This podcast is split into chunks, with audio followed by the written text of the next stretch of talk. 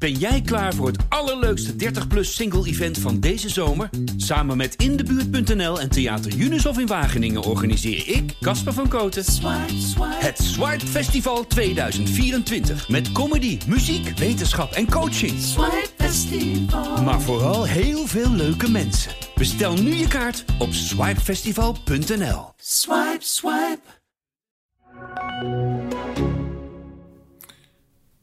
Na zijn dood, twee dagen na zijn dood, Ja. is er ingebroken in het pand. Oh ja? Kotten. Oh, dat wist ik niet. Is dat waar, ja? En nu, ja, ik wil het gewoon toch gevraagd hebben. Want jij was een van de mensen die zei van de lage spullen van mij eh, ja. binnen. Ja, ik, ben, ik, heb, ik heb niet ingebroken.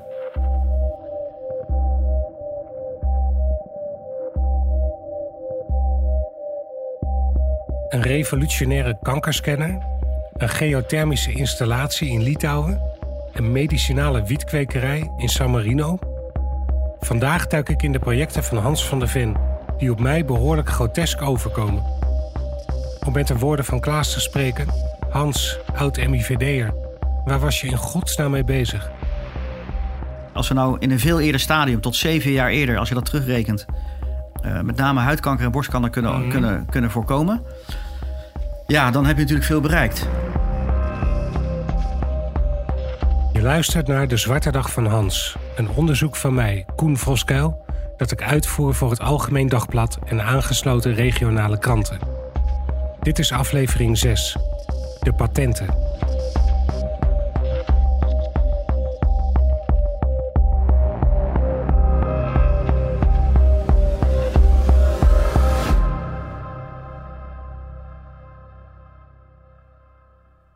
Voordat ik met mijn onderzoek terugga naar het huis aan de Kotter en de veroordeelde oplichter die er de dienst uitmaakte, wil ik meer te weten komen over de zaken waar Hans voor zijn dood mee bezig was.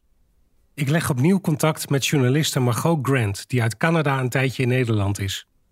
Ik ben benieuwd wat zij kan zeggen over de zakelijke projecten waar Hans in de laatste maanden van zijn leven aan werkte en die een einde moesten maken aan zijn financiële problemen.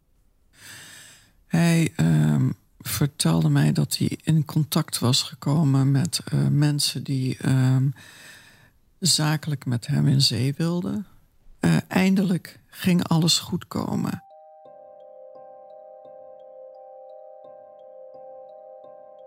Het wildste plan van Hans van der Ven is wel om een medicinale wietkwekerij aan te leggen in San Marino, waarvan de energie opgewekt wordt met geothermie door warme lagen in de aarde aan te boren. Voor zijn projecten vliegt Hans naar landen als Litouwen, Malta en de Britse Kanaaleilanden. Maar Margot vertrouwt het vanaf het begin al niet. Ik dacht bij mezelf van, dat kan geen zuivere koffie zijn. Dat, dat klinkt zo fantastisch. En ik zei van, klopt dat allemaal wel met die mensen? Nee, maar het is eh, hartstikke goed. En eh, ze doen hele goede dingen voor de mensheid. Want ze, zijn aan het e- ze doen aan ethisch ondernemen en duurzaamheid. En ehm, dat is helemaal fantastisch. Margot vertelt hoe ze vlak na de dood van Hans in contact komt met investeerder Martin van Haren, die Hanneke ook al noemde in aflevering 2. Martin van Haren belt Margot in Canada op omdat zij erfgenaam lijkt te worden van de bezittingen van Hans. Van Haren vraagt Margot of hij spullen uit het huis mag halen. Daarnaast doet hij een ongebruikelijk verzoek. Hij wil van haar een volmacht om de erfenis van Hans af te handelen. Ik dacht bij mezelf van, ik ga iemand power of attorney geven over een erfenis, terwijl ik eh, nog nooit van je gehoord heb. Eh, ik heb geen idee wie je bent. Leek mij idioot.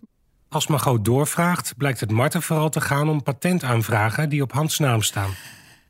En toen eh, zei ik van, oh, dus ik ben nu de eigenaar van twee hele waardevolle patenten.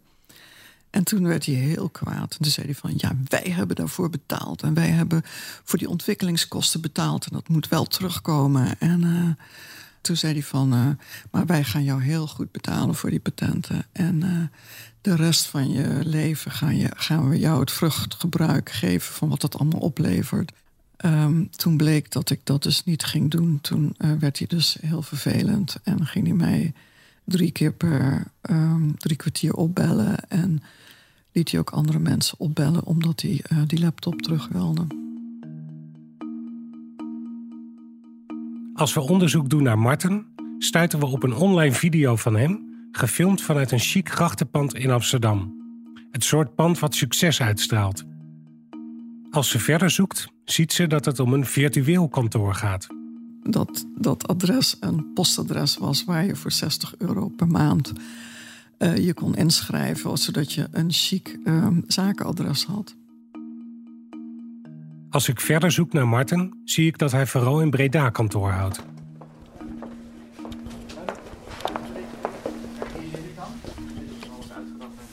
Ja. En dan, uh, dan hebben we nog, ja, in Amsterdam zit ik dan ook nog. Ik neem contact op met Martin en zeg dat ik graag meer te weten kom over Hans' zakelijke projecten. Hij stemt in met een interview. Ik, okay. nog. David? David en Koen. Ja. Je wil mij naar voren, je wil mij inbeelden. In een klein lokaal van een kantoorpand in Breda stelt Martin een camera op om ons gesprek zelf ook op te nemen. Hij moet even zoeken naar de goede hoek. Ik ga alleen maar de, de, de techniek. Oh, oké, oké. Dan, okay, dan is het inderdaad uh, heeft dat geen zin. We lopen. Nou goed, ik ben inderdaad Marten van Haren van, uh, van EBC Plus. Um, wij zijn een beleggingsfonds dat, het, dat heet het Proactive Trading Fonds. En dat, dat fonds... Martin legt uit dat zijn bedrijf EBC Plus zich bezighoudt met beleggingen. Met name in duurzame projecten. Dus dat is alles wat goed is voor mensen en milieu. Zo komt hij terecht bij Hans, die volgens Martin de nieuwste ontwikkelingen op het gebied van geothermie bedenkt. Daarnaast zou Hans een systeem hebben uitgedokterd waarmee vroegtijdig kankercellen kunnen worden opgespoord. Ik ben in contact gebracht met Hans een, uh, ja, een x aantal jaar geleden. Hans stond echt, die stond er ook voor om, om ja, vernieuwing te brengen. Uh, nieuwe technologie te brengen. Uh, nou ja, en daar had hij natuurlijk middelen voor nodig. En in dat kader heeft hij, ja, is hij natuurlijk bij EBC Plus gekomen om te kijken van oké, okay, kunnen we daar kunnen we dat in de markt gaan zetten, kunnen we daar een propositie van maken. Mm -hmm. Inmiddels zijn we nu in drie landen actief, waarin wij dus de nieuwe technologie gaan toepassen. Dat is enerzijds is dat de Isle of Man, Litouwen als tweede en als derde hebben de, de Malediven. EBC Plus investeert in een techniek om oppervlakkige kankercellen op te sporen via een nauwkeurige temperatuurmeting door middel van infrarood. Als, als ik bijvoorbeeld nu kanker zou hebben en ik zou me niet lekker voelen, de eerste volgende stap is dat je naar de dokter gaat. De dokter vertrouwt het niet en die zegt die verwijst je door naar een, een MRI-scan of een CT-scan of wat dan ook. Mm. Hè? Dus die verwijst je door. Nou, als dan blijkt dat je inderdaad kwaadaardige cellen hebt, uh, dan zit je op ongeveer op anderhalf miljoen kwaadaardige melanomen, kwaadaardige cellen. En dan moet je dus om de drie maanden terugkomen. Dat is dan de cyclus van oké, om de drie maanden terugkomen in hoeverre zich dat heeft ontwikkeld. Met de technologie uh, zoals wij die hebben ontwikkeld, um, is het dus mogelijk met, een, uh, met 250 cellen te detecteren. Een soortgelijke techniek bestaat al, zie ik op internet. Het Koningin Wilhelmina Fonds meldt echter dat er geen wetenschappelijk bewijs is dat deze techniek effectief is voor de screening van borstkanker en raadt vrouwen aan een reguliere mammografie te ondergaan. Als Hans over de kankerscanner praat bij Martin, neemt hij regelmatig Aniek Botemans mee. Merkwaardig genoeg zou zij zich hebben voorgesteld onder een andere naam. Mevrouw van Nispen, uh, deze uh, was ze bekend om, maar goed. En wat voor voornaam gebruikte ze? Uh, van Nispen, van Nispen. Uh, ja, niet Aniek.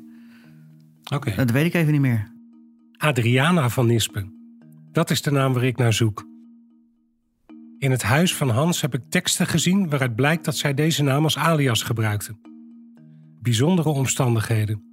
Toch ontstaat er een groepje mensen dat samen de kankerscanner probeert te ontwikkelen. Ze willen miljoenen euro's ophalen met de uitvinding.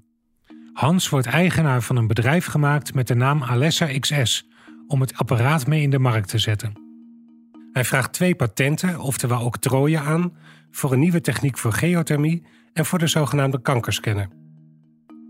Martin van Haren hoopt met hem de ideeën verder te ontwikkelen, maar gaandeweg krijgt hij problemen met Aniek Botemans. Zo zegt hij achter haar verleden als oplichter te komen en ontdekt hij dat ze zaken achter zijn rug omregelt. Hij maakt Hans duidelijk dat hij geen zaken meer met Botemans wil doen. Ik kan niet tegen jou zeggen van je mag niet met haar omgaan. Ik wil wel met jou omgaan. Dus ik heb uiteindelijk een besluit gemaakt uh, om gewoon door te gaan En om uh, zeggen van ja, dan moet zij maar op de achtergrond blijven. Volgens Marten is Aniek Botermans dus op afstand gezet en doet hij alleen nog zaken met Hans. Tot eind januari, wanneer hij Hans plotseling niet meer kan bereiken. Als hij al dagen niets van Hans verneemt, krijgt hij een vreemd telefoontje vanuit een hotel. De receptioniste zegt dat een zakenvrouw hem wil spreken die meer dan een miljoen euro wil investeren. Als Van Haren zegt dat hij niet in de buurt is en niet kan, komt de aap uit de mouw. De vrouw in het hotel is in werkelijkheid Aniek Botermans en ze moet Van Haren spreken. Die vindt het goed om de volgende dag naar de kotter te komen. Aniek belooft dat Hans er dan ook is. Zo arriveert Marten op 4 februari aan de kotter in Amstelveen, de dag voordat de politie Hans dood in bad vindt. En ik had een beetje een raar gevoel, dus ik kwam binnen, ik had een beetje een raar gevoel binnen. Um, Was je daar eerder geweest? Ja, ja, ja, tuurlijk. Ik ben daar vaker geweest, ja. Oké. Ja. ja, ja, ik wil toch samenwerken. Ik zei, ja, dat gaan we niet doen. Ik zeg, ik wil, ik wil met Hans praten over deze situatie. Uh, en ik wil gewoon niet, ja, ik wil gewoon niet met jou verder. Mm nou, dat vond zij dan vervelend of wat dan ook. Uh, ik zeg, ja, waar, waar is Hans? Ja, die is bij vrienden. Dus ik ben met haar gaan praten over het project. Ik probeerde natuurlijk ook een beetje te vissen wat zij aan het doen was. Want ja, op het moment dat je... Hè, ze zeggen wel eens keep your friends close and your enemies closer. Mm Ik wil wel eens weten van oké, waar is zij dan mee bezig? Dus ik was er aan het uitvragen over, over van alles. Maar goed, daar liet ze niet zo heel veel over los. Ik heb gezegd, nou dan wachten we wel op Hans. Dan bestellen we wat Chinees. Want dat, hebben, dat deden we altijd, even wat Chinees bestellen. Ja. En dan wat eten. Dus dat heb ik toen ook gedaan. Dus ik heb uh, Chinees besteld bij eh, de Golden Bird daar in Amstelveen. En toen, zijn we, ja, toen heb ik dat uh, opgegeten. Uh, samen met, met haar. in de hoop dat Hans thuis zou komen. Nou, Hans die kwam niet. Mm -hmm. Dus ik ben uiteindelijk, ben ik, was ik als laatste in het huis samen met Botermans. voor het moment dat ze hem vonden. Dus dat was natuurlijk enorm spannend. Ja. Dus ik ben om acht uur daar vertrokken. Acht uur in de avond. Ja. Um, ja, gewoon, gewoon onverrichte zaken naar huis gegaan. Of oké, okay, uh, Hans was er niet. Martin herinnert zich enkele opvallende omstandigheden tijdens zijn bezoek aan de kotter. Ze had, ze had een zwarte jurk aan. Ze was heel erg netjes gekleed. Botermans, wat, ik, wat, ik, wat me verbaasde. Ik denk van ja, waarom Ja. is zij helemaal opgekleed? Maar goed, oké. Ik vond het een beetje raar. Het, een beetje rare vibe hing er ook. Want Hans' jas die hing er wel. Dus hè, zijn, het colbertje wat hij altijd aan heeft, dat, eh, dat hing er wel. Dus ik had een beetje een raar gevoel. Ik, ik vertrouwde het niet helemaal. Maar goed, eh, ik ben gewoon weggegaan. En Is er niets losgelaten? Eh, hoe het Nee. met Hans ging? Of, Niks. ehm, nee, want ik denk eigenlijk dat hij toen al boven dat denk ik ook, ja. dood in bad lag. Dat denk ik namelijk ook. Ja. Ik denk dat zij, zij, wist, zij wist zeker van de dood van Hans. Maar ik schrok me natuurlijk rot. Want ik was als laatste in dat huis met Botermans. Ik ben daar letterlijk om acht uur vertrokken. En eh, nog geen, eh, nog geen, nou wat is het, zes uur later... of, eh, Ja, iets van twaalf uur later, uur later was die al. Ja, ja, dus ik heb toen ook zelf de politie gebeld. Ik zeg: Ja, ik, jongens, ik weet niet wat hier aan de hand is. Maar dit is niet goed. Want ik belde de volgende ochtend weer naar het nummer van Hans om 11 uur. En toen kreeg ik dus die, die arts aan de lijn. Eh Halte? Van? Hilte. Hilte, ja. Ja. ja. je wist het wel, maar je wil natuurlijk... Van, van Hilte inderdaad. En die vertelde, ja, Hans is dood. In de dagen erna houdt Martin contact met de nabestaanden. Hij geeft eerst bij Margot en later bij Hanneke aan dat hij nog spullen in het huis heeft liggen, zoals een telefoon, laptop en belangrijke documenten over patenten die hij niet terugkrijgt. Na zijn dood, twee dagen na zijn dood, Ja. is er ingebroken in het pand. Oh ja? Oh, dat wist ik niet. Is dat waar, ja? Is er ingebroken? Ja. Ook met schade, met, met breukschade. ja, de voordeur is eh, geforceerd. Oh ja? En nu, ja, ik wil het gewoon toch gevraagd hebben. Want hey, jij was een van de mensen die zei van de lage spullen van mij eh, ja. binnen. Ja, ik, ben, ik, heb, ik heb niet ingebroken. Nee. Oké. En heb- ook ik niet ben er- laten plegen. Nee, nee, nee, nee. Ik heb geen, ik heb geen inbreuk laten plegen. Ik heb gewoon netjes aangifte gedaan. Eh, en ik heb een, eh, daar heb ik ook bewijs van. Mhm. Volgens mij heb je dat bewijs ook gezien. Ik heb niemand het opdracht gegeven om in dat huis te gaan. En ik heb ook niemand de opdracht gegeven eh, om in te breken. En ik heb ook zelf niet ingebroken. Ik heb begrepen dat je na het overlijden van Hans contact hebt opgenomen met Margot. Ja. Om ook te vragen van, joh, laat mij de zaken afhandelen rondom de erfenis. En je zou haar een groot bedrag daarvoor in het vooruitzicht hebben gesteld. Ik heb gezegd van iedereen die, eh, ja, die op, een, op een goede manier betrokken is bij Hans, ja, die wil ik helpen. Dus ik heb toen tegen haar gezegd: als jij hulp nodig hebt en eh, je wil dat ik wat ga organiseren voor jou, laat me dat dan weten. Maar dan moet je, dan moet je me er wel de toestemming voor geven. Als erven. Uh, want ik mag niet zomaar dingen doen.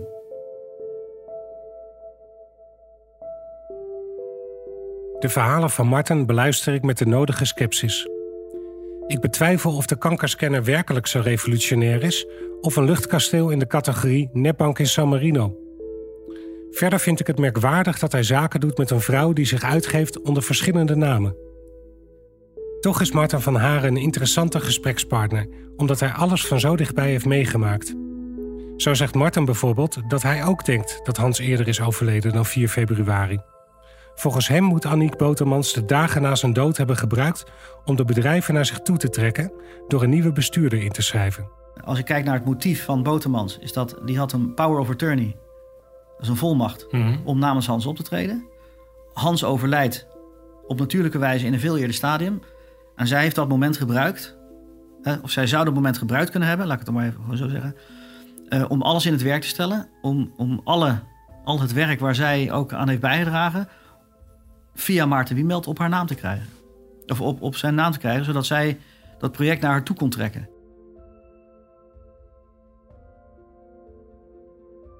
Maarten Wienbelt, degene die de eerste link tussen Martin en Hans legde en een bekende uit het netwerk van Botermans. Ik kom zijn naam tegen op formulieren van de Kamer van Koophandel die in Hans huis zijn gevonden. Ze blijken te zijn getekend op 14 januari 2021, twee weken voordat Hans zijn laatste teken van leven geeft.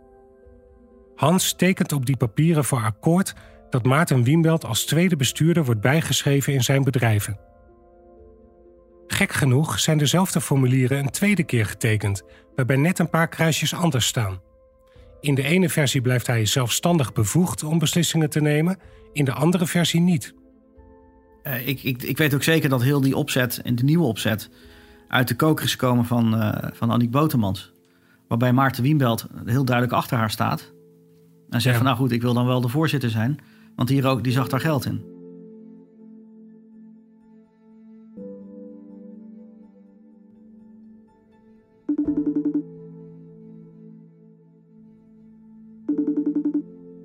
Het wordt tijd om contact te zoeken met Maarten Wienbelt. Ik vind zijn telefoonnummer tussen de papieren uit het huis van Hans en stuur hem een appje waarin ik een korte uitleg geef over mijn onderzoek. Hij is bereid om te praten. Ja, ik zou naast eh, Hans worden ingeschreven als bestuurder. Via een online verbinding vraag ik hem hoe hij in beeld kwam als bestuurder van Hans bedrijven. Ik zou worden ingeschreven als bestuurder bij mijn LSA XS. eh, en bij Stichting Och. Een eh, stichting die ook een stuk voor de belangen van eh Aniek eh, in deze zou moeten dekken. Ehm, en zo, zo gezegd, zo gedaan. Zo zijn we in Amersfoort, op een plek waar ik die dag afspraken had, bij elkaar gekomen. En hebben we die formulieren voor de Kamer van Koophandel ondertekend en ingevuld met kopie ID-bewijzen, et cetera. Maarten leert Aniek Botermans in 2014 kennen als hij haar helpt met haar faillissement dat dan speelt. Wienbelt bevestigt dat de Kamer van Koophandelpapieren van zijn inschrijving op 14 januari zijn getekend in het bijzijn van Hans en Aniek. De datum van het ondertekenen is opmerkelijk. Volgens Doe, de vriendin van Hans, heeft Botermans dan al te horen gekregen dat ze het huis van Hans moet verlaten, anders bellen ze de politie. Kortom, de onderlinge relatie staat op scherp. Waarom wordt juist in deze periode een nieuwe bestuurder bijgeschreven? Ik sprak met Martin van Haren, Ja. die ook zegt dat hij een van de ontwikkelaars was van eh, eh, eh, zowel geothermie als die coronascanner.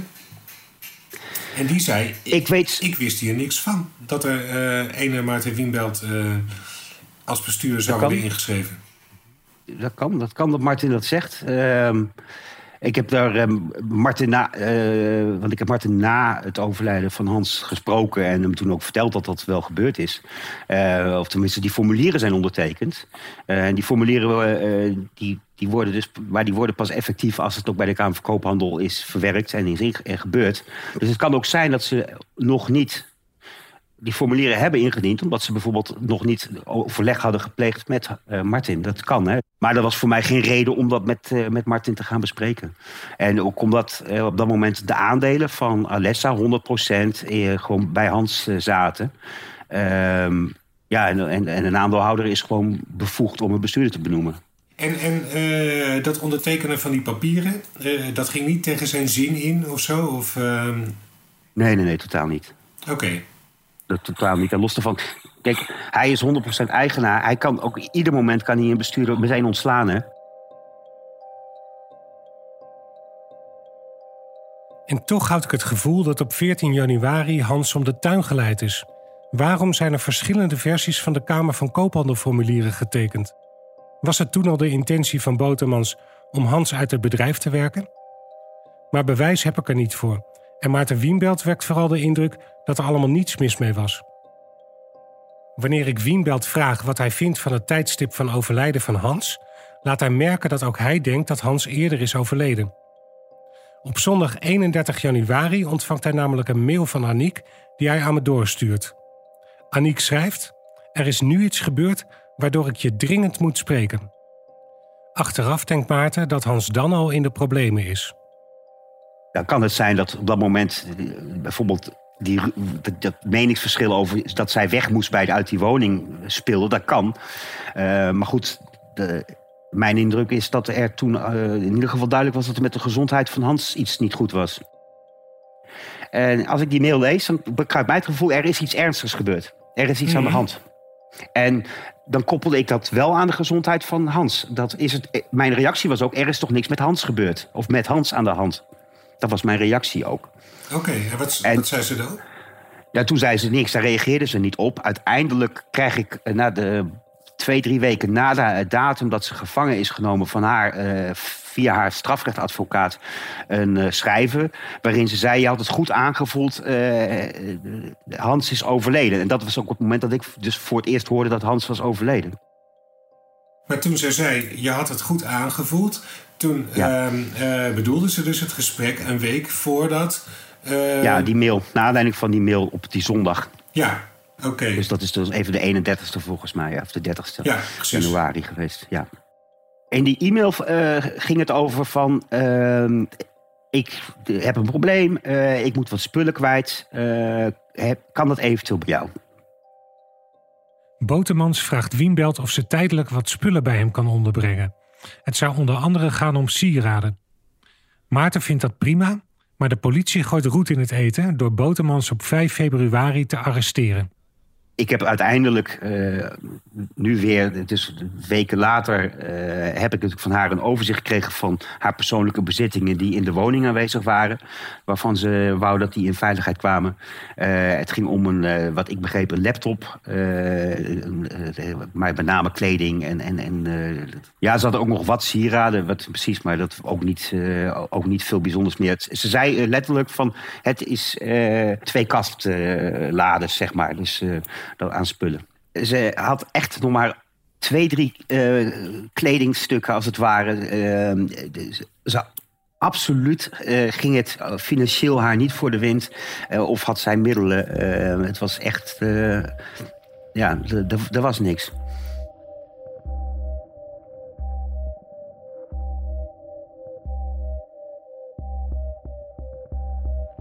Een meerkoppig bestuur, vage medische beweringen slachtoffer van de Rabobank? Ik voel me een moeras ingetrokken na de gesprekken met Marten van Haren en Maarten Wienbelt. Als hun intenties goed waren, waarom gingen ze dan in zee met een voortvluchtige oplichter? Over één ding zijn ze het beiden eens. Ze geloven dat Hans eerder is overleden.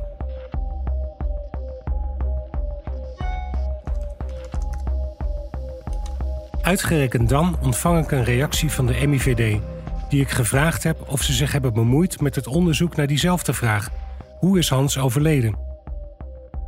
Zoals het een inlichtingendienst betaamt, is het antwoord vaag. De MIVD gaat niet in op vragen over eventuele aan de MIVD toegedichte individuele zaken en of personen. In zijn algemeenheid kunnen we wel zeggen dat de MIVD zich niet mengt in het oordeel van een schouwarts of van de politie. Twee ontkenningen, van de schouwarts en de MIVD dus. De bemoeienis van een inlichtingendienst lijkt een doodspoor in dit onderzoek. Ik moet me focussen op die laatste dagen in huis. Heeft Aniek, terwijl Hans dood in bad lag, geprobeerd het bedrijf op haar naam te krijgen? Dan kom ik op een idee.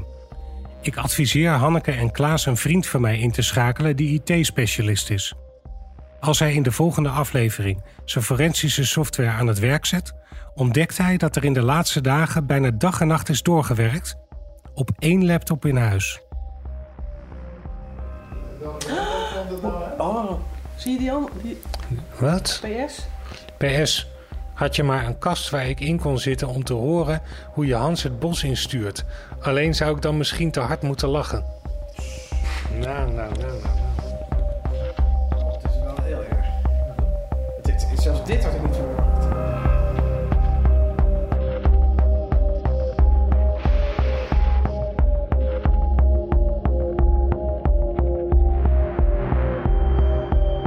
Dit was de zesde aflevering van de Zwarte Dag van Hans. Een podcast voor het Algemeen Dagblad en aangesloten regiokranten. Gepresenteerd door mij, Koen Voskuil, en geproduceerd door David Achter de Molen van het podcastkantoor. Eindredactie werd gedaan door Kevin Goes. Korte disclaimer. Hoewel we ook onderzoek doen naar andere scenario's, gaat justitie er vooralsnog vanuit dat Hans van der Ven een natuurlijke dood is gestorven. Er zijn dan ook geen verdachten in deze zaak. Wederhoor met de belangrijkste betrokkenen volgt later in deze podcastserie. Vind je dit een interessante zaak? Abonneer je dan gratis op de podcast om ook de volgende afleveringen niet te missen. En laat vooral een review achter, zodat we beter vindbaar worden voor nieuwe luisteraars. Wil je de volgende aflevering al eerder luisteren? Ga dan naar ad.nl/slash zwarte dag of de site van jouw regionale krant slash